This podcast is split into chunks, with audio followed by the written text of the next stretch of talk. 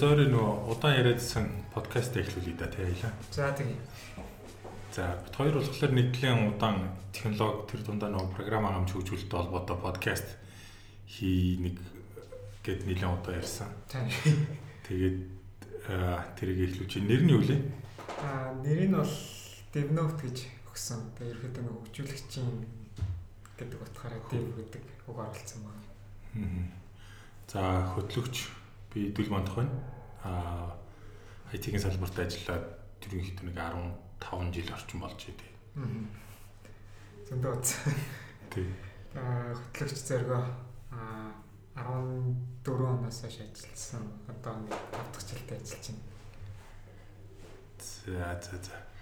Бид хоёр ерөнхийдөө подкаст болгоноор нэг нэг юм хоёр сэдвийг ерөнхийдөө барьж аваад хөндөөд тэр талаар өөрсдийнхөө үзэл бодлыг ярих юм. Тэгээд хамгийн ихний сэдв нь болохоор програмчлалын тухай яриг тохирсон. Тэгээд чи хамгийн анх ямар програмчлалыг хизээ сураад тэрэн дээр ямар хуу код биччихсэн бэ? Гэхдээ сургуулийнх биш шүү. Аа за анх бол Python сурч байсан. Хамгийн анх програмчлал. Тэгээд Python сураад Python дээр ер нь веб хийжсэн дөө. Тэгээд тухайн үед болохоор Python-ы нэг жижиг веб фреймворк Bottle CPY гэдэг Python framework гэдэг үстэй тэрийг ашиглаад нэг вебсайт хийчихсэн. Тэгээ тэр нөгөө нэг яг гоо тухайд Canon Америк дуртай байсан л та. Тэгээд тэгээд бас дөнгөж итгэс ирчээд байжсэн. Тэгэл Canon нөгөө яг итгэс нэг Canon авчирсан. Тэгээ нөгөөхтөө subtitle хийх гээд тэгээ subtitle болдог вебсайт хийж тэгээд тухайд хийжсэн.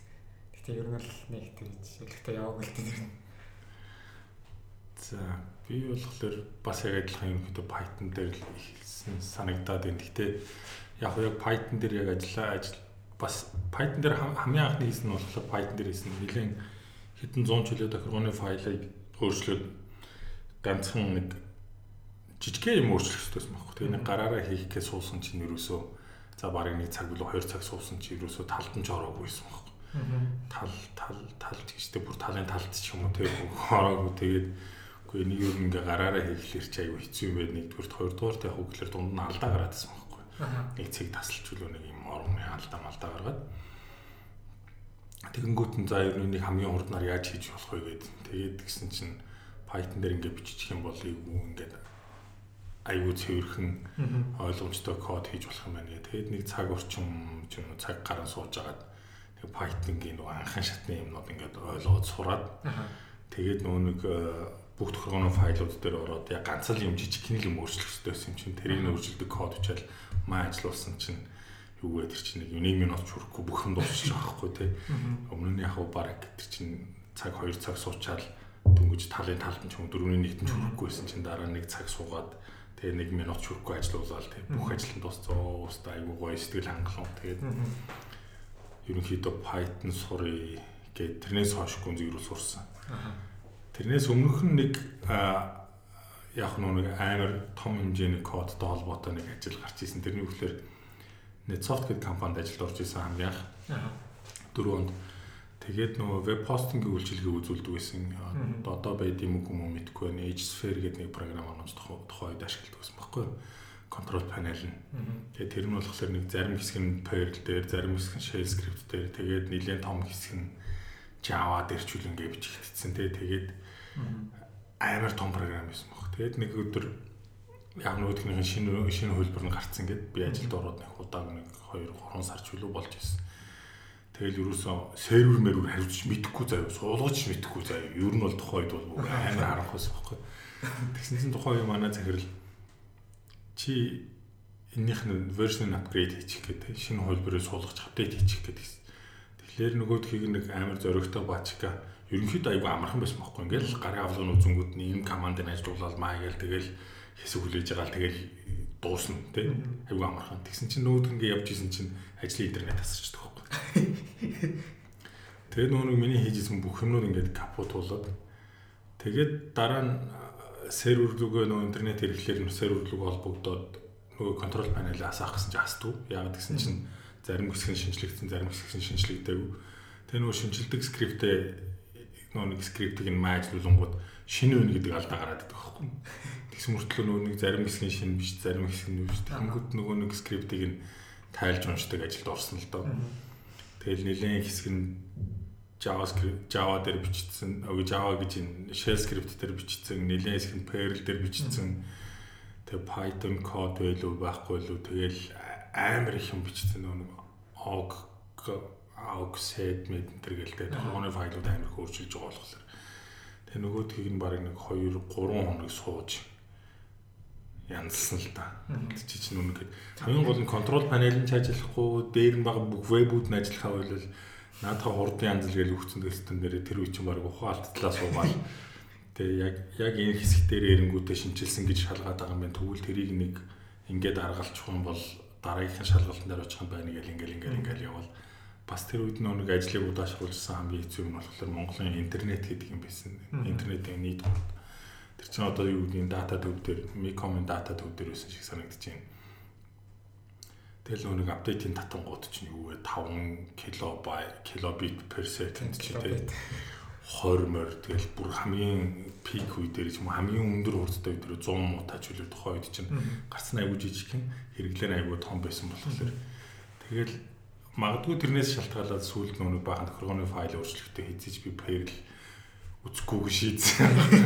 Яа тэгэхээр уншихад ч хэцүү, бичихэд ч хэцүү. Гэхдээ тухайн үед бол саяхны хүртэл бол баг маш олон системүүд дандаа Perl дээр бичигдсэн. Одоо сүүлийн үед л ерөнхийдөө нэлээд багасаад байгаа шүү дээ. Аа.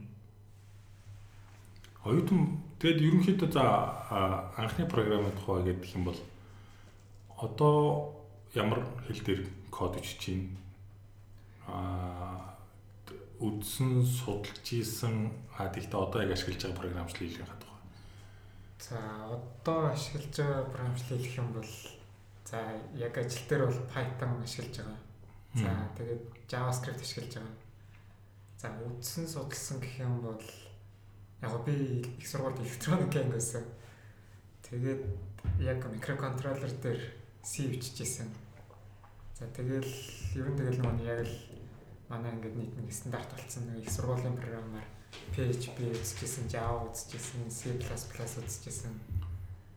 Тэгээд яг амьдрал дээр гараад бол ер нь тэдний ерөөсөө нэгж бараг ашиглаагүй зүгээр ингээл их сургууль нэг Java дээр нэг swing class оруулж ирээл нэг desktop application маяг юм ийгэл тэгчихсэн. Тэгэл яг амьдрал дээр гараад болохоор яг одоо яг ажил дээр гараад бол Python-аар ашиглаж байгаа.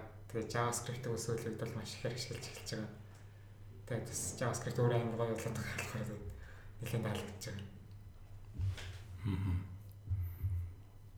За би би ч одоо юу гэдэг тэгээ сүүлийн 15 жилийн ер нь сүүлийн нэг жоохон нэг 5 Үгүй эхний хэсгээр бол би дандаа нэг юм код мод бичихгүй системийн тохиргоо мохиргоотой холбоотой юмнууд аягүй хийдэг байсан. Тэгээ сүүлд рүүгээ нэг код бичих шаардлагууд нь гараад тэгээ нэг баг багаар судалсан л та. Тэгээд мэдгүй за нэг оюутан байхад бол мэдээж C, C++ ч юм үзэж байгаа. Java үзлүү яалаа бас тэгээд нэг үзэн л ахaltaа бодвол Тэгээд төгснөөс хойш Python сурж байгаа. Сая сүүлд бол Android application хийж хийхэд хэрэгцээтэй гэдэг нөө Java яаж ч юусэн бичгээд надад амар хэцүү санагдаад байгаа байхгүй. Тэгээд азар Kotlin гарч ирсэн. Тэгээд Kotlin сурсан. Тэгээд нэг iOS code бичих хэрэгтэй болоод Swift сурсан байна. JavaScript бас сурсан байна. Python сурсан. Аа сүүл бас нэг юм жижиг юм хийх гээд нэг Rust нэг судалж ийсэн юм тийм. Тэгээд нэг хүмүүсийн код бас нэг хальт уншиж шалгах гэдэг Objective C ч юм уу гэл ингээл ерөнхийдөө нэлээд олон програмчлалыг нэг тодорхой хэмжээний юу гэдгийг нэг хальт үзээд уншаад ч юм уу хальт ойлгохоор хэмжээнд бол байгаа. Гэхдээ надад хамгийн их таалагдж байгаа ч юм өнөөдөр яг идэвхтэй ашиглаж байгаа нь бол Swift, Kotlin, JavaScript, Python тийм. Тэгээ Swift бол мэдээж iOS дээр, Kotlin зөвхөн юун дээр ч юм те Android дээр. TypeScript-ийг бол одоо нөө веб дээр ашиглаж байгаа. Python-ыг бол серверийн backend code-н дээр ерөнхийдөө ашиглаад Django-тай хамт ашиглаж байгаа. Тэр аялаа. Нэг тиймэрхүү. Тэгэд яг хөө зөвөр нүг мэдгүй би ингээд нүг анх оюутан болоод ч юм уу ингээд байж хат надад тухайн багш нар ярьдаг юм байхгүй ингээд нэг програмчлалыг сурчвал дараагийнх нь сурахад аюу амархан ч юм тий. Тэгэл одоо сүүлийн үед яг сүүлийн үед жоох ер нь бол ингээл нэг хүмүүстэй уулзаал ярилцахлаар чинь Java JavaScript мэдхүү ч юм уу Java мэдхүү гэл хүмүүстэй ярихлаар өө тэр чинь C суурьтай хэл штэ бүгдээрээ амархан амархан ч юм уу тэгээд яриад байдаг. Ер нь бол нэг хэлийг сурчлахаар хоёр дахь нь сурахад амархан уу? Эсвэл энтэй санал нийлдэг юм уу нийлэхгүй байгаа юу? Аа үгүй яг хоо бүр нэг ерөнхий талаар наваад үзэх юм бол бас яг санал нийлж болохоор юм санагдтыг. А гэхдээ сүүлийн үед ингээд яг ажиглаад ангууд одоо чинь JavaScript ингээд нөгөө хөгжил нь ингээд бүр сүүлийн үед ингээд амар илт мэдгэдэггүй цурцтай яваад эхэлсэн. Тэгэл Python ингээд бусад хэлүүдс ингээд шинээр хэлүүд гарч ирэл. Тэнгүүд яг тэр нөгөө нэг нэг хэлийг сурчвал өөр хэлийг сурахад амархан гэдэг нь ерөөдөө бараг бодлоо олж эхлэх шиг санагдаад байгаа. Ягаад тэгэхээр тухайн хэл маань болохоор зөвхөн нэг ийм л асуудлыг шийдэх зорилготойгоор ингээд бүтээгдсэн ингээд нэг өөрийнх нь философи байгаад байдаг. Тэгтэл нөгөөх нь зүгээр синтаксийн өргөл ингээд хараад а за за энэний if ингэж бичиж байгаа бол энэний if ингэж бичигдэх юм байна гэдгээр ингээд харахад бол яг тийм боловч яг үндэ бол үгүй юм шиг санагдал байна та сүүлийн үед бол. Сүүлийн үедээ. Эхэндээ бол ер нь бол яг ойлголттой за ер нь үний юм байна даа гэж боддог гэсэн л та. Тэгээ нэг тухайн хилээ сайн мэдхгүйгээс ч болоод тэр эсвэл яг туршлага багтаагаас болоод ч тэр одоо чинь ингээл Python дээр юм бичиж байгаа C хараал Java хараал за за Java дээр нэг if юм байдаг ер нь бол бүх хэл дээр if байгаа гэл ингээд нэг тэр ойлголтоор яваад байсан. Тэгтэл нөгөө сүүлд ингээд JavaScript-ийг ч юм уу ингээд харангуй чинь JavaScript дээр болохоор чинь яалч юм ингээд яг өөр өөрөөр сэтгэхэд ингээд хийхгүй бол яг C юм уу Java дээр ашиглаж байсан сэтгэлгээгээр JavaScript дээр орж ирээд юм бичнэ гэхээр амар хэцүү болчихж байгаа.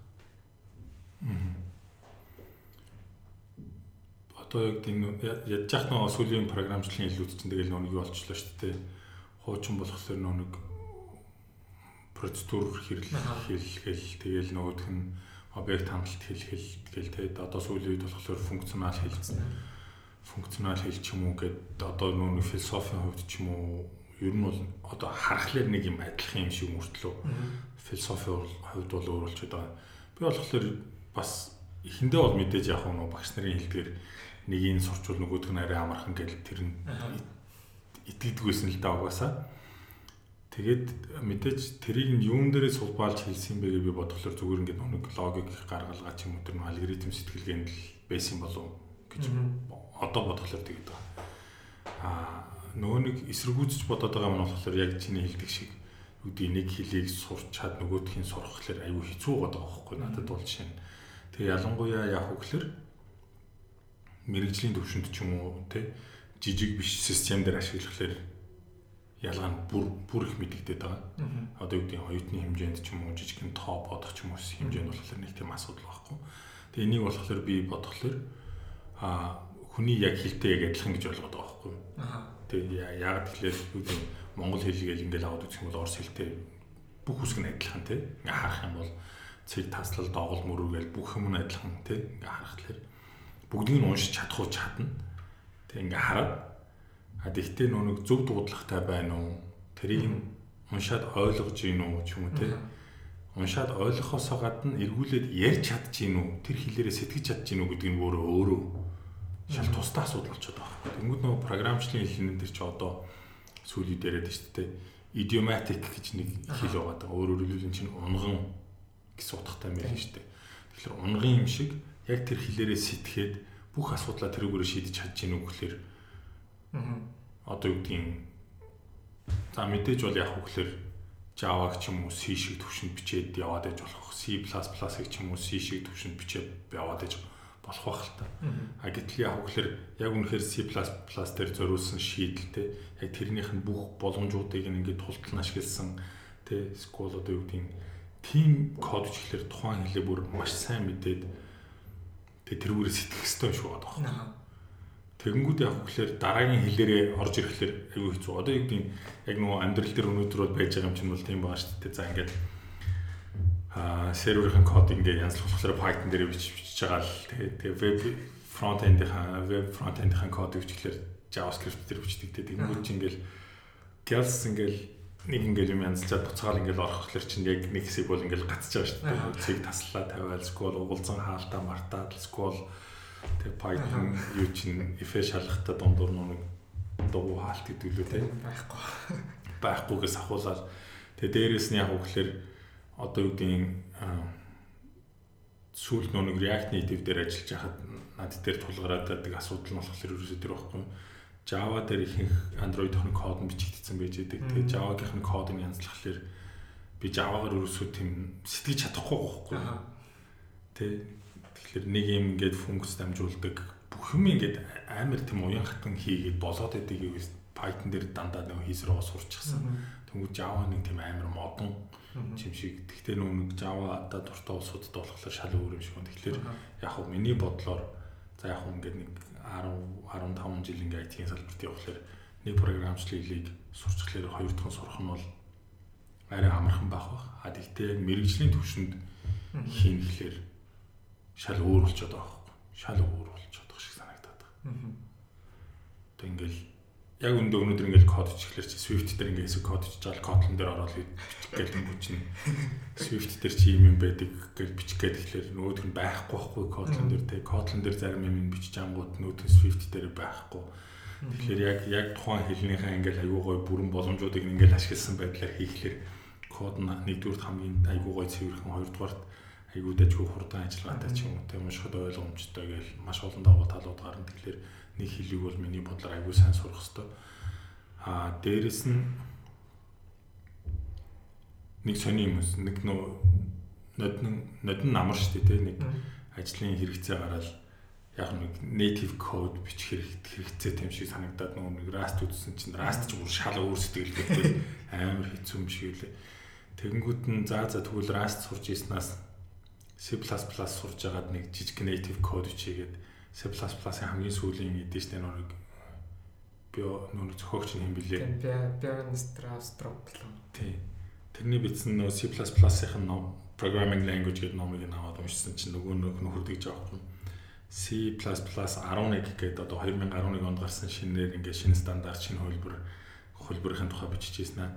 Ер нь бол өмнө нь та C++-ыг мэддэг байсан гэж мэддэг гэж бодож байсан бол одоо тэрийг болоо тий. Ягаад тэгэхээр энэ стандарт бол ингээд маш их юм өөрчлөгдсөн. Өмнө нь сайн туршлага зөв гэж бодогддог байсан юмнууд чинь одоо буруу туршлага тий муу юм гэдэг ингээд ерөнхийдөө тооцогддог болсон. Тэгэхээр энэ хэл ерөнхийдөө нэлээд шинжлэгдэж байгаа учраас ахаад эхнээс нь маш сайн сураарай. Энэ номыг маш сайн анхааралтай уншаарай гэсэн юм байна.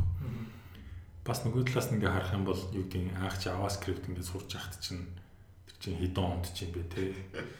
А 12 3 онд юм шиг байна л. Тэгэл Тэгэл сурж исэн байхгүй. Тэгэл тэгсэн чинь ES 6 тий JavaScript 2 ES 2015 буюу ES 6 гараад promise нэмэгдээл тий ингээл ингээл ингээл arrow function function ч ингээл юмнууд нэмэгдэнгүүт.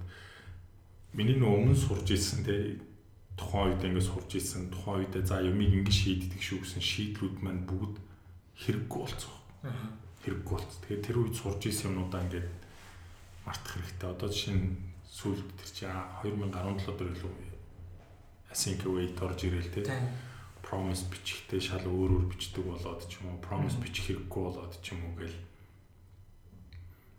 Тэгэхээр яг одоо юу гэдэг хэл үнэхээр мэднэ гэж бодож байгаа бол тэр хэлээр ингээд уугүй чөлөөтэй сэтгэдэг байх хэвээр тий.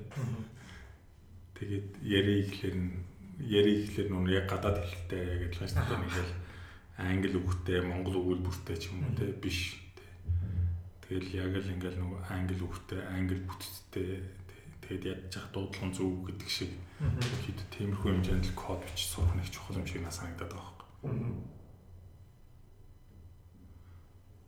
Програмчлалын хөлний хувьд болохоор нөгөө чи болохоор ч хоёлаа юу юм биш үү JavaScript, Python гэдэг хоёлоо динамик, маш динамик хэл дээр бичдэг. Тэгээд TypeScript ашиглаад байгаа тий. Ягаад аа яг нь TypeScript ашиглаж байгаа нь болохоор динамик хэл дээр ингээд өөрсдөө шууд төрлийн ингээд заах чинь нөгөө нэг int төрөлтэй байсан юм а дараа нь ингээд өөрчлөөд string болгоод string байсныг хуцаагаад float болгоод юм ингээд явчих болдог. Тэнгүүт одоо ингээд TypeScript ашиглаад эхэлсэн чинь ингээд тухайн яг энэ функц маань зөвхөн int төрөлтэй аргумент авна а араас нь хоёр дахь аргумент нь магадгүй string байх хэрэгтэй ч гэдэг юм тэрийг нь анханаас нь ингээд тодорхойлоод өгчхөөр аа баг илрүүлэх боломж нь бас нэлээд ихсдэг гэдэг юм л та. Тэгээд одоо ингээд буцаад ингээд энгийн JavaScript ч юм уу энгийн яг нөгөө нэг TypeScript ашиглахгүйгээр дангаар нь бичгээр болсон чинь ингээд ерөөдөө бичиж чадахгүй болчиход байгаа юм. Нэг одоо энэ маань яах вэ? Хаана юу ямар алдаа гарах хэрэгтэй байсан чи ингээ гарахгүй шууд уншиж байгаа гэдэг нэг тийм сонир айцтай юм шиг болчиход байгаа л та. Айцтай. Тий, айц үстэй. Айц. Аа. Харин тэ нэг type юу гэм Python дээр ч юм уу JavaScript дээр бичгэлэр чи нэг өмнө нь байсан нэг аюул том асуудал болохоор тэр чи яг нэг хитрхи динамик хэл болохоор заавал ажилуулж ийж те тэр код нь ажиллаж ийж алдаа нэлэрдэг. Тэр код нь ажиллахгүй бол ерөнхийдөө алдааны илэрхүү хичнээн чи явж магадгүй болчиход байсан шүү дээ. Тэгэхээр яг нэг TypeScript бичлэр чинь яг чинь хэлдэг шиг тэгээд энэ бол ингээд ядчил энэ хувьсгч нь байхгүй юм байна. Энэ яг уу ийм тавах хэрэгтэй байсан чи өөр юм авчижээ ч юм уу те ингээд алдааны гарч өгөөд илүү илрүүлэхэд амархан болчиход байгаа. Тэгээд дээрэс нь Python 3.6 дээр чинь 3.6 болоо 3.7 дээр чинь ингээд өгөгдлийнхэн төрлүүдийг ингээд тодорхойлоод очих боломжтой болсон тийм. Тэгээ тэрүүгээр нь яг хөглөр нэг Dropbox-ийн чинь ашиглаад кодынхаа алдааг нэг static analyzer ашиглаад олоод байна гэдэг байгаа шүү дээ. Аа бас нүүн хамгийн гол юм чинь compiled language буюу нөө dynamic биш static typed language-ууд чинь гэхдээ TypeScript биш л дээ. TypeScript ч юм болохоор зүгээр JavaScript-ийн дээр нэмж өгж байгаа код ч ихэд амархан болгож өгж байгаа болгож өгч байгаа шүү дээ тий. Яг нэг давхарга юм байна. Тийм уртл нэг давхарга байна. Яг ажилуулахлаар JavaScript болгочихж байгаа. Аа яг нэг static төрөлтөө их програмчлалууд арай л хурдан ажилдаг. Ерөнхийдөө айгүй хурдан ажилдаг болчиход байгаа. Жишээ нь юу гэдгийг за юуных нь iOS програмчлал iOS програмчлалч юм болохоор Objective-C гэдэг нэг дүүрэн дөрвөлж байгаа алттай нэг програмчлал хийж байгаа. Тэр чинь болохоор бас айгүй динамик юм шиг байгаа байхгүй. Тэнгүүд яг үгээр ажиллагааных нь хурд нь Swift-ийг бодвол арай бага. Swift нь арай илүү хурдан гэдэг. Swift-ний яагаад гэвэл энэ бол string төрлийнх энэ бол int төрлийнх ч юм уу те тэр нь байгаа байхгүй эсвэл нул нул байж болно тэр утга нь эсвэл нул биш байж болно ч юм уу. Маш олон юмнуудыг хийгээд тэгээ тэрийг яг үгээр компайлер нь тухайн үед яг нь тийм тэгвдгийн хөрвүүлэхтэй хоёр тийн код руу хөрвүүлэхтэй тэр нэг цаана хурдных нь маш олон сайжруулалтуудыг давхар хийж яах шиг байгаа юм л да. Угаасаа л энэ маань энэ давна гэсэн болохоор нөгөө шалах шаардлага болчихж байгаа бах тийм. Тийм. Тийм Python чинь код чинь тийм л ч та ингээд нөгөө юуных нь байт кодыг ингээд задлангууд нэг хөвсөгч рүү ингээд хандангууд чинь энэ хөвсөгч байна уугүй юу гэдгийг нэхлээ шалгаад дараа нь тэрнийхээ утгыг аваад тэгээд өөрөөр хэлбэл яг хөглөн нөх хитрхи динамик болохоор ямар нэгэн хувьсгч руу хандхаар заавал урьдчилал энэ байна уу, ийм хувьсгч байна уу, ийм нэр байна уу ч юм уу тэгээд шалгаад байдаг юм лээ. Өдөртийн compiled language-ууд тэгэхэд ялангуяа нэг static төрөлтөө хэлүүд дээр болохоор тийм асуудал байхгүй. Тэр нэг гоё юм шиг байгаа юм л да. За шинээр програмчлал сурж байгаа хүмүүст ямар хэл сурвал зүгээр юм? Аа миний бодлоор бол би ханх өөрөө нэг Python хэл сурсан болохоор шинээр програм сурч байгаа хүмүүст бас Python-ыг санал болгоно. Тэгээ нэг угаасаа анх бас яг нэг C дээр бичиж эхэлж байгаа чинь нөгөө яг Borland дээр ингээл цэг таслын чинь нөгөө орхич өргөцсөн нөгөөх нь алдаа гараад compile хийгдэхгүй. Тэгээ тиймэрхүү юмнууд Америк гараад тэр нь баг нөгөө нэг одоо steep learning curve гэдэг шүү дээ. Тэр нөгөө нэг сурахад тэр хэцүү баг юм энэ баг үүсгэж тийм санагдаад байна. Тэгээд Python дээр болохоор ерөөсөн ямар ч тийм асуудал байхгүй зөв шууд уртлаасаа ингээд тав аваад индент аваад шууд бүх юм очиж болохоор тэр нэг аягүй амар тэгээд өчиглээ өчгсөндөө маш цэвэрхэн зүгээр ингээд англиар юм уншиж байгаа юм шиг болохоор тэрийг бол анхлан сурч байгаа хүмүүст санал болгоно. За бас JavaScript-ийг бас анхлан сурч байгаа хүмүүст санал болгомоор байна. Тэгээд тэгэхээр JavaScript сүүлийн үед бол үнэхээр их хөгжөөд амар болцсон. Тэр үнэхээр яг ирээдүйтэй хэлгээд түр нотлогчод байна тавтаа бол Тэгээ аль аль нь ерөнхийдөө топ 5 хэл жилүү топ 3 дотор ерөнхийдөө орчод байгаа шүү дээ. Гэтэ JavaScript сурахдаа ES6-аас хойшхан сурахгүй л тий. Одоо өмнөх нь бол ямар ч хэрэггүй л болж байна. Өмнөхийн сурхлаар чинь яг хэрэггүй аягүй бол юм сурчих байгаа юм л да тий. Их амьдрал хэрэгцээтэй биш. Буруу туршлага сурчихлаар чинь тэгээд хэцүү болох байгаа юм л да. Хадгалал интернетээс ч юм уу магадгүй өөр нэг хүний блог ингээд одоо туториал маягийн блог харахаар чинь нөгөө хүн нь ES 2006 магадгүй тэрний сошиал дээр ингээд бичсэн. Тэгэхээр тэрийг нөгөө хүн бол магадгүй мэдгүй тохиолдолд бол өмнөхөөрөө бичих гэх нөгөөхөө хөрвүүлэх гэдэг ажил гарч ирэх байсан. Жохон хэцүү байх. Тэгээд ч одоо JavaScript чинь өөрөө серверээ сервер талаа бичиж чинь, клиент талаа бичиж чинь. Тэр нь болохоор нэлээд даваа талтай болж байна. Нэг хэл сураад чи сервер талаа бичиж чинь, backend backend бичиж чинь, а клиент талаас бичиж чинь. Node.js дээр тийм Node.js дээр. Тэгээд mobile application бичнэ. Тэгээд mobile application бичнэ. Тэгээд одоо blockchain байна. А хэмэл аян ухаан хүртэл тэгээд JavaScript руу оруулаад ирсэн байна. Тийм. Python дээр болохоор ч ерөнхийдөө машин learning хэмэл оюун ухаан тэр талдаа илүү түлхүү ашиглагдаад тэг хүмүүс тэрийг тэрийг хийх гээд бүр их сураад сүүлийн үед номнууд бол маш их болсон бил оюун хэмэл оюун ухаан хийх. Гэхдээ ерөнхийдөө Python дээр хэдхэн жилийн өмнө болохоор тийм нөө статистиктэй ч юм уу тоот ажиллах юм дээр R гэх нүуний програмчлал илүү түлхүү яриад идэгсэн сүүлийн үед бол ер нь бол R бараг мартагдаад байна уу ч юм уу эсвэл Python-д нэлээд шахуулаад байна уу гэж би бол хараад байгаа байхгүй. Эсвэл нөгөө Python дуртай болохоор тэрийг хараад ээж магадгүй. Тэгээ нөгөө нэг одоо тэр чинь ингээл бахан доктор профессор гэдэл бич байгаа шүү дээ дандаа математикч тэгэл. Тэгээ яг тийм хүмүүс зориулаад байгаа хэл та. Код үчих багж чинь юу байна нэрээ? За мэдээж VS код төр бичиж байгаа. Одоо бол тэгээд нэмээд нэлээд extension ашиглаж байгаа. Тэгээ нөгөө JavaScript бичиж байгаа учраас одоо хамгийн түрүүнд санал болгох extension бол Prettier гэдэг extension аа. Тэр бол ерөөсөө одоо үнээр тоглохгүй харахгүй extension л. Зүгээр өөрийнхөө settings тохиргоон дээр VS Code-ийн тохиргоон дээр л одоо хадгалахад ингээд форматыг гэдэг тохиргоо хийгээд өгчдөг. Тэгэл кодо бичээл хадгалаад нөгөөх нь ингээд аягүй гоё болгоод өгчөж байгаа. Одоо бүр урт ингээд бичигдсэн нэг урт мөрийг доош нь мөрийг тоглоод ард нь хаалт нэмээ, цэг таслын нэмээ төрөл аягүй гоё болгочихж байгаа. Аа. Ерөнхийдөө нэлээд хаанга код бичдэг болно тий. Юусэн нөгөө гоё бичлэл бичлэл гэдэг юм дээр анхаарах болоод хэлчихэж байгаа. Тэгээ миний бодол тийм бид нар ч нэг ашиглаж претер претерийг ашиглаж байгаа. Тэгээд эхэндээ тэр чинь нэг нөө юу гэдэг претер ашиглахаас өмнө ашиглахаас хойш гэл хэл авал үзэхлээр чинь претер ашиглахаас өмнө нэг код яаж уншихад яаж илүү ойлгомжтой вэ, гоё вэ гэдэгт анхаарал тэр тэр цэг таслал нөө нэг доогол мөр ч юм уу илүү тутамд айгүй анхаарал бодоол тий. Тэгэл тэрэндээ ингээд айгүй анхаарал хандуулдаг байсан юм байл л тий.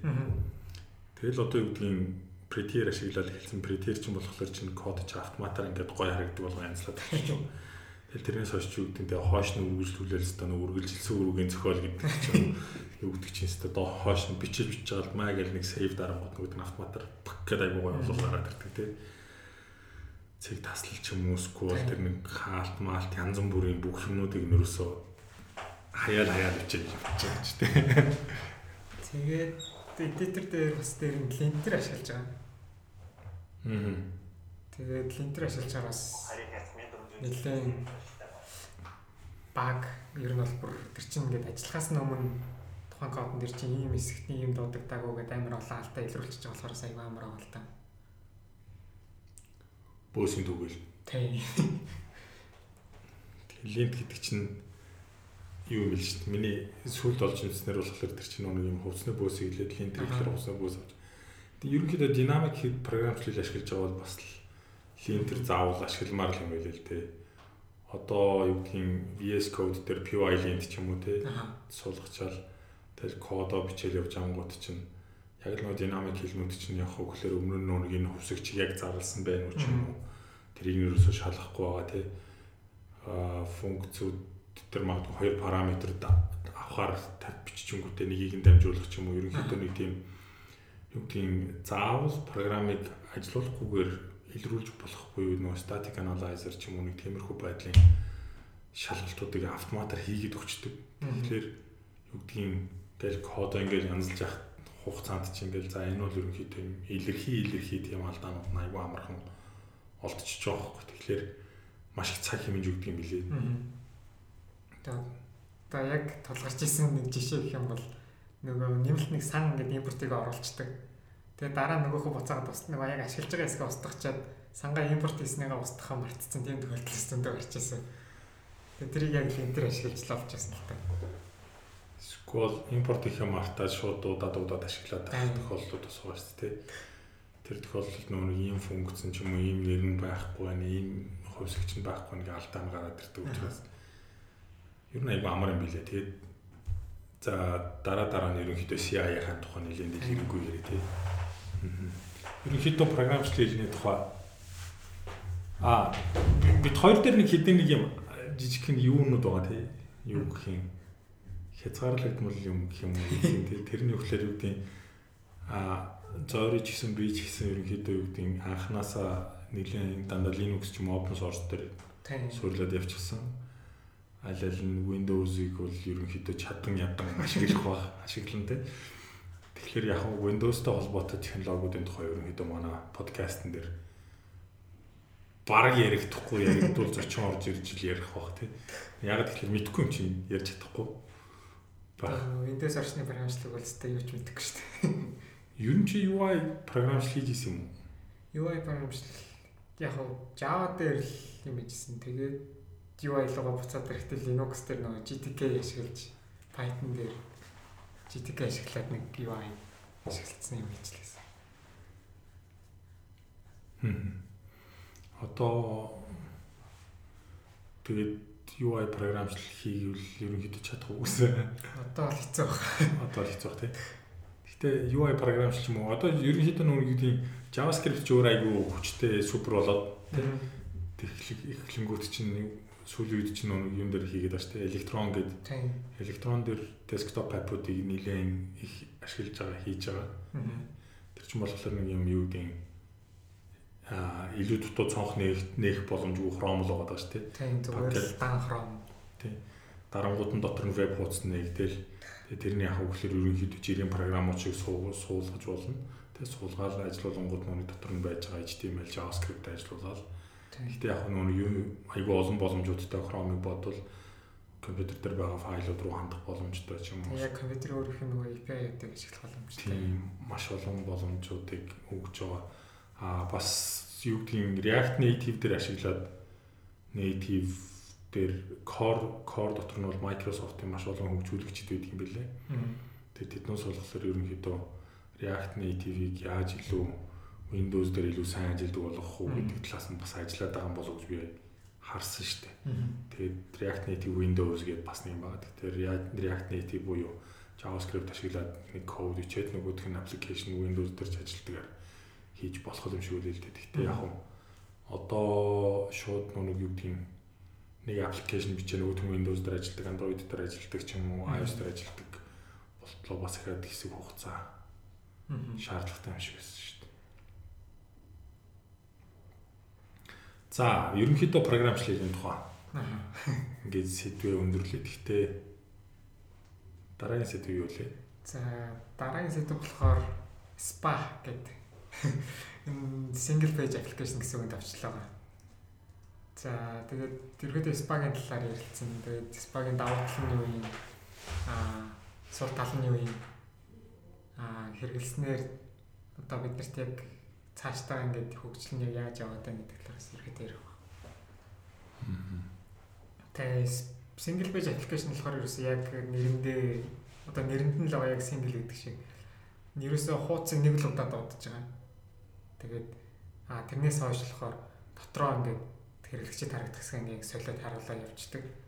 Тэгээд Википедиагийн юм дээр Википедиа дээр нь яг өөрхөн тодорхойлтын бичснээр болохоор 2003 онд Стюарт гэдэг залуу анх яг энэ концептыг нь гаргаж ирсэн юм лээ. Тэгээд тухайн үед болохоор өөрөө энийгээ дүгнж хэлэхдээ болохоор бүх юм дотроо багтсан вебсайт гэж хэлжсэн. Тэгээд slash.slash.com гэдэг вебсайт хийжсэн юм лээ. Тэгээд тэрнээс хойш нөгөө стандарт нь ингээд явсаар хагаад ингээд тэр нөгөө концепт нь яваад бүр стандарт нь батлагдаад ингээд гоёлцсон. За тэгээд single page application ашиглахын нэг давуу тал болохоор яг десктоп аппликейшн дотор ингээ компьютер дотор ингээ фолдер дотор орчих юм шиг аюу тийм одоо уян хатан дээр ингээ нэг тийм смут тийм ажиллагаатай байгаад идэг. Буцаад яг нөгөө хуудас дуудаад ингээ нэг линк дарангууд өөр нэг хуудасаа дуудаад ингээ л хуудас ингээ рефреш хийгдэт байдаг тэр вебтэй харьцуулахад бол хамаагүй илүү хурдан ажиллагаатай. Ягаад тэр хамгийн ихний дуудалтан дээр бүх тухайн хуудасаа ингээд ашиглах хэрэгтэй бүх CSS, JS юм а бүх юм татчихдаг. Тэрнээс хойш зөвхөн дата л тэр хооронд сервер болон клиент хоорондоо ингээд шилжиж явж идэг болохоор маш хурдтай болчиход байгаа. Би үгүй бидний нэг хуучин бол веб 2.0 гэдэг шүү дээ. Веб 2.0 гэвэл одоо тэр 3.0-ны хязгаар гарах вэ 4.0-ны хязгаар гарах вэ гэж юм уу бид нар. Бид энэ чинь хэдэн онд энэ 2000 5 6 он ч юм уу 7 8 онд ч л үед чинь веб 2.0 чи хязгаар гарлаа та. Тэгээд нэг тэгэл тэрнээс хойш ерөнхийдөө тийм их яриа гарч ирсэнээс үйл үед нэр байхгүй болсон юм шүү дээ. Web 2.0 гээл тэгэл тэрнийх нь хамгийн том жишээ нь гээл тэгэнгүүт нөгөө Gmail гээл ярьдаг байсан тий. Gmail-ээр нэг дотор нээчихэл тэгэл дотор ингээд юм юмд ингээд дараа явахлаар ингээд нэг ингээд бүх юмуд ингээд алга болчоод бүх тийм шинээр гарч ирэхгүй яг дотор нэг тийм компьютер дээр програм ашиглаж байгаа юм шиг ажилладаг байсан. Тэрийг Gmail шиг юм хийж сурах юмсан гэж айгүй их боддог байсан л та. Тэр бол нэлийн асуудалтай юмсан тий тухай чинь яг нөгөө нэг jQuery яг цэвэр JavaScript ашиглаад тийм бичнэ гэдэг бол ялч амар хэцүү. Тэгээ нөгөө нэг single page application хийнэ гэдэг нь болохоор ерөөдөө маш их JavaScript бичих ажил болчихж байгаа. Яагаад тэгэхээр HTML CSS маань хоёулаа ингээд тэнд ингээд хүсэлтэд явуулаад сервертэй харьцах марцах тийм ажил хийж чадахгүй. Тэнгүүт аа хөгжүүлэгчид тухайн single page application хийхэд хялбар болгож өгсөн одоо маш их олон framework гараад ирсэн. Тэгээд бидний одоо хамгийн сайн мэдээр одоо манай ашиглаж байгаа React байгаа. Аа дээр нь AngularJS, Ember.js. За дээр нь сая сүүл гарч ирээд нэлээд одоо л одоо Vue.js гэдэг бас нэг шинэ framework. Одоо ч болоогүй одоо хэвэрэл байгаа юм. Мэдгүй од хэвэр байгаа. Ер нь бол Star-аар нэг React-ийг гүйцсэн гэдэг нэг хэсэг нэлээд шүгж байсан. GitHub дээр Star Star-ын тоглоо. Аа. Гэхдээ ер нь single page application-ы сул тал гэж байна уу? Сул тал байгаа. Одоо яг нэг single page application чинь хамгийн түрүүнд нэг удаа хуудас дуудчихж байгаа. Тиймээс биш ерөөсө хуудас дуудалт хийхдэггүй би дотор нь хичнээн ингээд линк ямар нэгэн хуудас руу шилжсэнээс хуудас дуудахгүй яг нэг дотроо бүх юм Ajax-аар шийдчихэж байгаа. Тэгэхээр нөгөө одоо бидний хамгийн том толгойн өвчин болоод байгаа болохоор Google-ийн хайлтын индекс дээр гарч ирэх гэдэг нэг аягүй том асуудал байна. Тэгээ нөгөө нэг Google Health Index маань бот маань болохоор өөрөө нөгөө JavaScript уншигдгаар аюул асуудалтай. Тэгэхээр Health Index-эн дээр ерөөсөй орохгүй болчиход байдаг. Тийм асуудал байна. Тэгээ Facebook, social social share дээр бас гарч ирэх болчихж байгаа. Зүгээр хов осон тийм юм гараад ирдэг. Тэгээ нөгөө хэрэглэгч нөгөө линкэрийн заавал орж иж нөгөө хооцсон дуудагддаг. Гэхдээ social дээр хийсэн болохоор зүгээр нэг юм хов осон юм байж байгаа. Гэхдээ яг нөгөө React-ийн web дээр нь байлаа шүү дээ. Жишээ нь одоо юу гэдэг нь Аа за юу гэдэг сервер сайд рендеринг гэж хэлээд байгаа шүү дээ. Сервер дээр ерөнхийдөө хуудасаа рендерлээ зураад хэрэглэгчид явуулахаар бол ерөнхийдөө Next.js ашиглаарай гэдэг тий. Тэр нь болохоор чи юу гэдэг React гэдэг framework зориулсан Next.js гэдэг framework болж байгаа тий. Дээрээс нь бас нөгөө сүүлийн үед юу гэдэг аа тэгээд нөгөө эхний дуудалт нь бол айгүй удаан байгаа да. Хоёрдугаар нь миний нөгөө Монгол нэлийн том том сайтууд миний харж байгаа нөгөө single page application руу шилжих гээд мэдээний сайтууд нэлийн оролдоод тэгээд шилжчихсэн бас байс байгаа л да. Тэгээд зарим тохиолдолд болохоор яг хөө single page application технологийн үед ч юм уу технологи хийж байгаа хөгжүүлэгчдүүд бол ингээд сонсхолоор хийгээд явхлаар гоё гоё ихгүй жоохон асуудалтай тий. Тэгвэл яг үнэхээр бүх төрлийн вебсайт нөхөмжтэй юу гэвэл бас үгүй юм шиг байна тий. Ягаад тэгэхээр юу гэдэг мэдээний вебсайт чинь single page application чинь чиний хэлжсэнээр нүг юу гэдэг хамгийн эхлээд бүх нэг бүх тэр бүхэл вебийнх нь аль ч үнцэг болонд ороход хэрэгцээтэй бүх файл бүх файлаа татж авч байгаа. Тийм. Дараа нь зөвхөн мэдээллийн буюу тэр нэг хэрэглэгчд үзүүлж байгаа мэдээллийн үлдсний серверээс татж байгаа гэтэл мэдээний сайтн дээр болохоор чинь хүн хөвчлэн ганцхан хуудас үзчихэл гарч байгаа байхгүй. Тэгэхээр чинь ганцхан ууц үзэхээс нь өмнө нь ингээл амар их юм татж байгаа л паткал тий байхгүй болчихлоо. Тэгээ дээрэс нь яг нөгөө хэрэглэгчд айгүй удаан санагдаад ах шиг байгаа. Хуучин болохоор чинь юу гэдгийг JavaScript-ийг аль болох нөгөө веб дээр бити ашиглаж юм уу? Аль болох бага ашигла. Бага ашигла. Энэ бол ингээд нөгөө сайтыг удаашруулад байна гэдэг байсан. Тэгсэн чинь сүүлийн нилээдэн жилд болохоор чинь V8 буюу V8 V8 чинь JavaScript ажиллуулахдаа маш хурдан болцсон. Тэ ихэнх JavaScript-ийг бол өөрсдөө нөгөө ажиллахгүй залгина гэдэг шиг маш хурдан болчиход байгаа. Аа нэг юм асуудал байгаа шүү дээ. За нөгөө SPA ч юм уу single page application ч юм уу ингээ хийгээд явхлаэр браузер support гэдэг нэг асуудал байгаа тийм. Тэрийг ерөнхийдөө яаж шийдэс вэ? За ер нь бол яг л болох сүүлийн үеийн браузер л ашиглах хэрэгтэй гэж санал болгоод байгаа. Аа дээр нь одоо нэг single page application гараад ирсэн чинь браузерууд маань хүртэл дагаад ингээд хөгжөөд айгу гоё болцсон.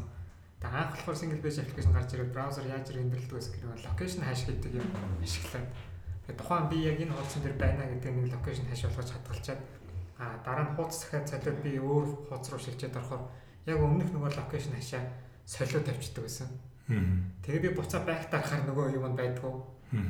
Тэгээд single page application гэдэг юм гараад ирлээ. Энийг амар хүмүүс ашиглаж байна. Ингээ энэ хэрэглэгчид бас гоё юм байна гэд тэрнээс нь болоод одоо Chrome болохоор өөрөөсөө history API гэдэг юм гаргаад ирсэн. Тэгээ history API гэдэг болгонгод болохоор яг нөгөө буцаад би back дарсан яг тэнд ингээ байж идэг. Тэгээ энэ болохоор өөрөө бүтэн яг тэр route солигдоход болохоор тэрийг replace хийхгүй өөрөө одоо push state гэж нэрлэдэг л да бид нэр history API дээр Internet Explorer 8 дээр ажилладаг юм. Internet Explorer 8 дээр мэдхгүй. Ерөөсөө төрчих үзээгүй. Би болохоор юу гэдэг юм зүгээр ингээ хувийн бодол бол Internet Explorer Explorer-ыг бол зүгээр ингээ хайчмаар юм шиг. Хайч одоо чинь манай төсөл төр project дээр бол хайцсан шүү дээ. Угаасаа Internet Explorer бүхэлд нь хайцсан. Ягаад гэвэл юу гэдэг юм Монголын ингээд нийт интернет хэрэглэгчдийн ч юм уу томоохон сайтуудыг харахаар баг за 80% ч юм уу 70 80% нь Chrome ашиглаад тэ үлдсэн. Тэг юу гэдгийг нэгэн хэдэн хувь нь Firefox ашиглаад нийт хэрэглэгчдийн нэг 2 3 ч юм 4 хүн хувь нь Internet Explorer ашигладаг ч юм уу тэгээ тэрнийх нь юу лээд бас ахаал ингээл нэг дотор ингээ хувь нь хуваагдчих жоох. Тэгэхээр тэг юу гэдгийг нүг Internet Explorer бол Chrome татхад хамгийн сайн браузер гэдэг. Браузер гэдэг шиг яг хөө Internet Explorer ороод ирвэл маа Chrome татаараа гэдэг юм харуулга гаргаж ирж үзүүлээл тэгэл одоо юу гэдгийг болчмоор шиг санагдаад байгаа байхгүй. Яагаад тэгэхээр Internet Explorer дээр бүх юмыг ингээ зөв ажилдаг, сайн ажилдаг болгоно тестлэнэ гэх юм бол чинь аюу хэцүү болчиход байгаа. Дээрээс нь яг нэг сүүлийн шинэ гарч ирж байгаа маш олон гоё давуу талтай технологиудыг ашиглах ямар ч боломжгүй болчиход байгаа байхгүй. Тийм ямар тэр нөгөө нэг одоо чинь хорон дээр гарч байгаа шинэ IP бол бус тэр бүгд тэр ингээд нэг жил хүрэх хугацаанд орчиж байгаа шүү дээ. Тэгмээ чи Internet Explorer дээр ял яалчуудыг хоцорчиж байгаа. Тэгээд сая ярин сүүлд тус нэлээд дата мэдээ гарсан л та. Internet Explorer Chrome-ийн open source хэлбэр Chrome Chrome Chrome-ийг ашиглаад яг гол core болоод Edge-ийн хөлбөрийг шинжилж байгаа гэсэн юм. Тэгээ энэ жил тэр нь хараг гарч эхлэх бах гэдэг үстэй. Тийм. Тэр бол нэлээд дата мэд. Тэгэхээр ерөнхийдөө нөө зөвлөгөө болохоор чинь JavaScript хамгийн сүүлийн ES6 мурга ашигладаг, CSS 3 ашигладаг. Аа Тэр нь тэгээд Internet Explorer-ыг баяртай гэж хэлээл. Тэгэл урагшаага ингээл айгуугаа тэмүүлээ явчихсан юм шиг юм л да. Тэгэхгүй хэцүү надад бол хэцүү санагдаад байна. Тэгээд яг юу гэдэг single page application-ыг бол ашиглах хэвээр газрууд нь ашиглаад ашиглахгүй байх хэвээр ерөнхийдөө яг үнэхээр хэрэгцээтэй үед л ашигламаар юм билээ. Тэгэхгүй бол юу гэдэг бид нар ч гэсэн алдсан шүү дээ. Яг тэгэхээр эхлээл нөө React дээр ингээл сураал юм хийж явахдаа амар гоё байсан те. Тэгэл Ember дээр бас хамгийн анх сурч ах чи айгуу гоё байсан. Тэгэл хамгийн юмаа л ер нь Ember дээр хийжүүл айгуу их хайтаахан юм шиг те. SQL хамгийн юмаа React дээр хийжүүл айгуу хайтаахан юм шиг санагдал тэгэл хийсэн. Тэгтээ бас айгуу олон техник асуудлууд гарсан. Тэгээ тэрийг шийдэх гэж бас л явсан. Тэгтээ тэгээд тэгвдийн тухайн үед зарим нэг нь амжилттай, зарим нэг нь амжилтгүй те.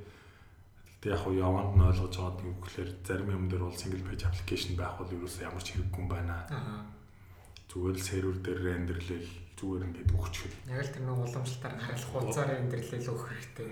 Тийм. Тэгчвэл бас их зүгээр юм байна гэж юм хэдэ бодсон. PHP сайн мэдгүй нэрээ. PHP сайн мэдгүй. Тийм. Би их сургуулийн хэмжээнд л нэг хэдэн хуудасыг л нэг сешн дээр хадгалаад юм л хийчихсэн. Аа Би ч гэсэн ерөөсөө PHP бол сайн мэдгүй.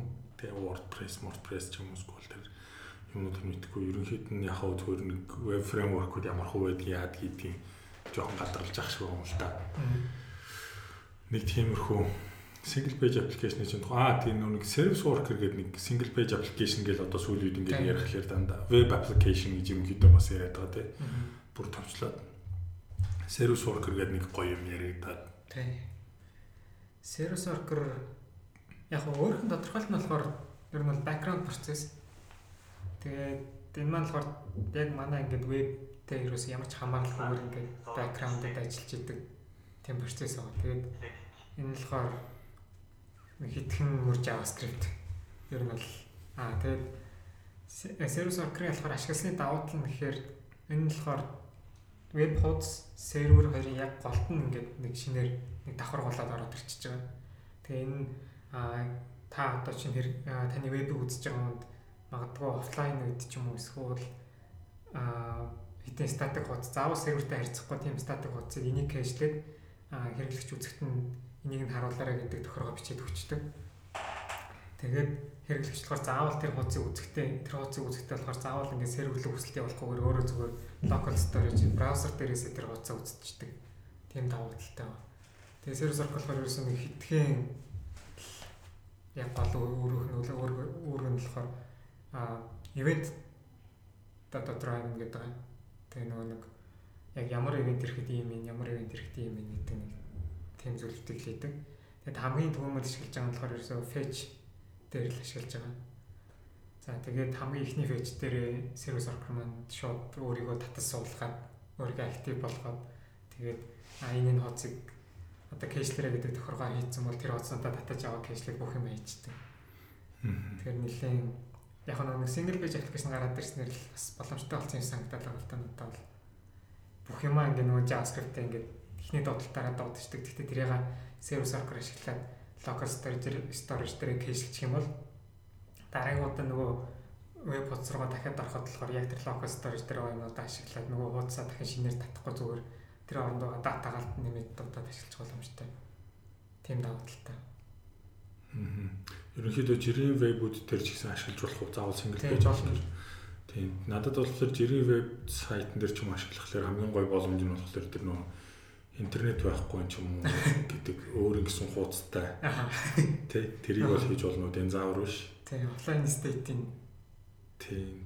Тэр нь юм тийм тийм. Тэр нь айгүй гоё санагц. Ягаад тэгэхээр тэр чинь нэг дөнгөж веб хуудас дуудангууд нэг алдаа гарвал ерөнхийдөө ийм ийм ийм хуудсан давхар татчаараа гэдэг тохиргоог нь хамт хийгээд өччих чад. Тэгээ алдаа харангууд нь тэр хуудасаа дуудчихлаар чинь тэр чинь айл өврөө явах уу гэхэлэр нөө браузер дотор нь байж байгаа тэгэхээр гарч ирээ харагдчихдаг. Дээрээс нөө нэг а юунууд юм биш үү? Gmail дээр интернет хөх байхдаа ч гэсэн пост, имэйл явуулж болдог ч юм те. Facebook дээр одоо юу гэдэг бид нар чинь заавал зүгээр ингээ пост бичиж болоод байгаа шүү дээ. Интернет хөөсөн ч гэсэн тэгээд интернет орж ирэнгүүт цаашаа явчихдаг ч юм уу Тэгээ нөгөө Twitter дээр бас нэг жишээ юмшинүүд ярьж ирсэн тий. Twitter дээр бол байгаа гарч байгаа чинь тэр бол аюу надад таалагддаг. Тэгээ mobile зэг Twitter зэг.com гэдэг өөрсдийнх нь mobile хэлбэр нь тэгэл ингээд метронд ороход шууд нөгөө нэг утасны сүлжээ, дата сүлжээ тасарчдаг. Тэр онлохоо нөгөө хүн 200 300 tweet аль хэдийн ингээд өөртөө татаад авцсан гэжэлсэн байдаг. Тэгээ нөгөө хүн нөгөө tweet-өө үзэж байгаа магадгүй нэг tweet дээр reply хийгээд хариу бичээд явуулчаад нөгөө твит маань явцсан гэдэг өөрт нь харуулцдаг. Тэгээ нөгөө метроноос буугаад яг гараад дататай ч юм уу вирустай орчинд орж ирэхэд нөгөө жиргэн маань яг цаашаа чихнэр яг явж идэг. Аа. Ерөнхийдөө тэгвэл наад чинь юм ба шүү дээ. Юу гэдэг хүндээ явуулсан гэж харагдаж байгаа гэдэг чинь өмнө нь бол тийм боломж сервис worker байхгүй хат тийм боломж байсан юм шиг санагдаад байна л да. Тэр нь ягаад а нэлээд айгүй хэцүү хийгддэг байсан. Одоо болохоор чинь тэр чинь ингээд хэрэглэгчд харагдах хэсэг нэг ондоо яг цаадах нь ажиллагааных нь хэсэг нь болохоор сервис worker дээр яваад энэ хоёр нөө бизнес ложик буюу хэрэглэгчд харагдаж байгаа хэсэг хоёр нэг гоё тусдаа болчихлоо айгу хамрал болох юм байна л да. Тэгээд single page application хийхдээ чи бүгд дээр чинь React ашиглаж байгаа. Тийм. React ашиглаж байгаа. Тэгээд React-а бичгтээ TypeScript ашиглаж байгаа. Тэд React бичихтэй Next.js ашиглаж байгаа. Next.js бас TypeScript дээр хичээд ингээд бичиж байгаа. Гэтэ нэг юуны сүүлийн үед нэг юм site generator гэдэг нэг юм ойлголтууд Тийм. сүүлийн үед нэлээд GitHub GitHub-аас хойш нэлээд түгээмэл болоод одоо сүүлийн үед бүр амар нэлээд явчлаа шүү дээ. Static site generator. Тий static site generator. Чи тэр талаар юу нэг үзэж?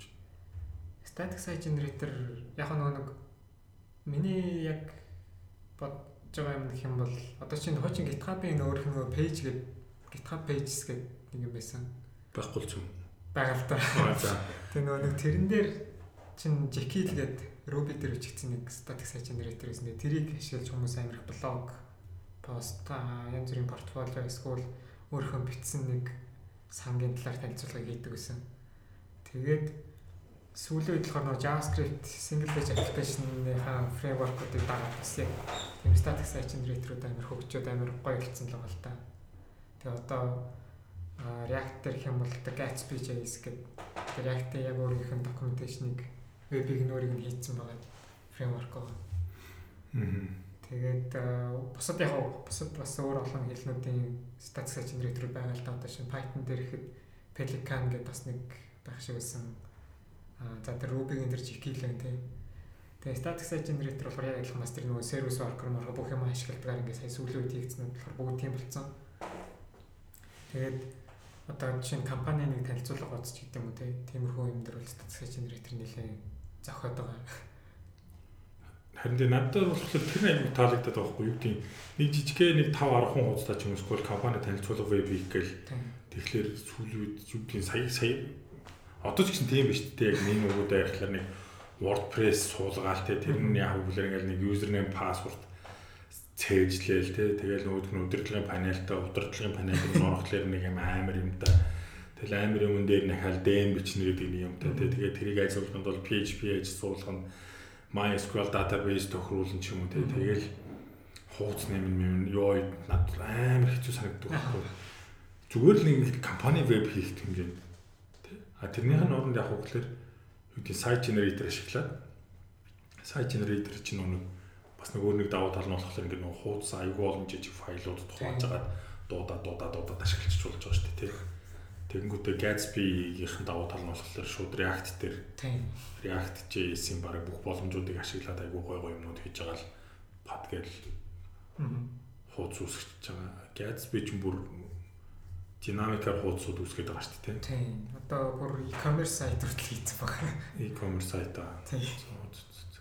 Тэгэхээр яг юу гэдэг сайт генераторууд тэр дундаа яг үгээр хэрвээ ирээдүйдээ юу гэдэг нэг аа нэлээд сайн веб хөгжүүлэгч болоод тий React гэдэг одоо юу гэдэг маш том далаад орж ирээ гэж байгаа бол юу гэдэг Gatsby ч юм ашиглаад жижигхэн static гэдэг тий өөрхөн вебүүд хийгээд.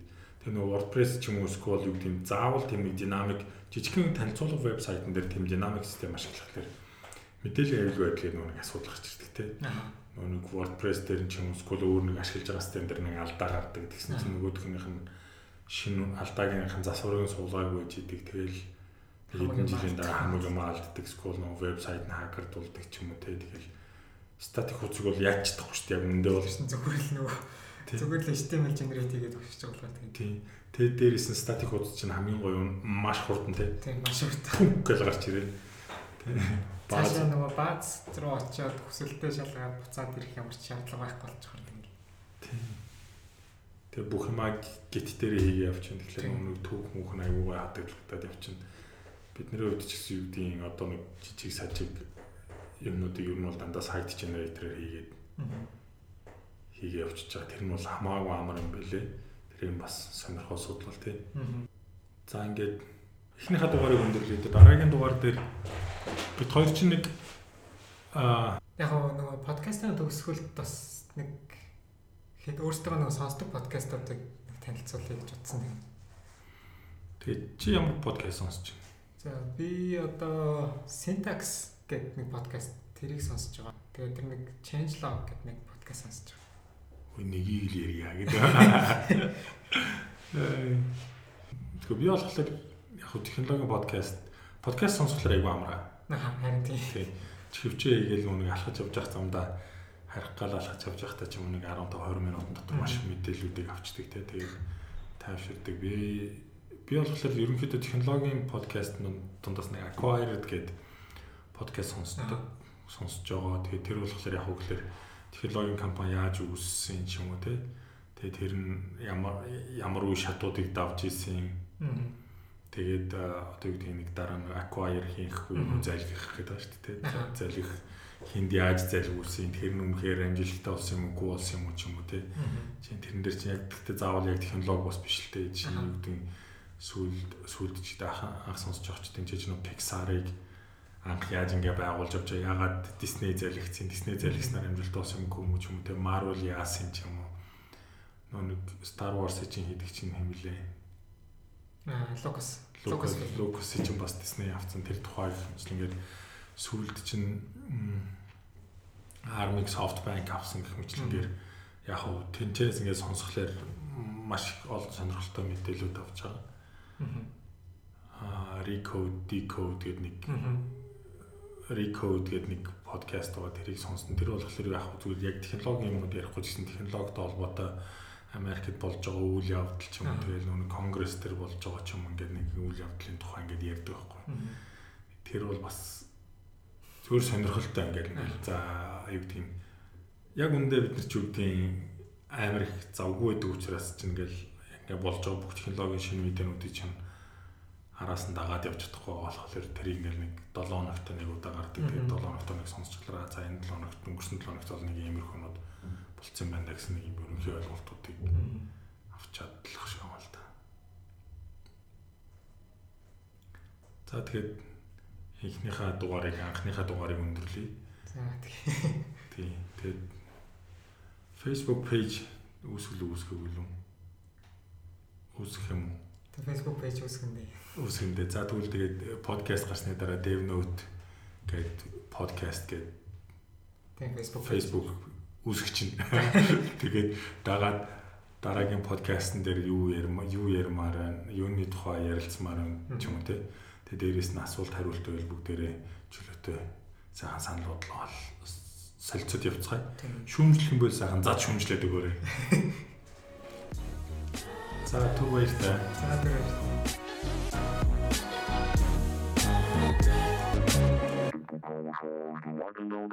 You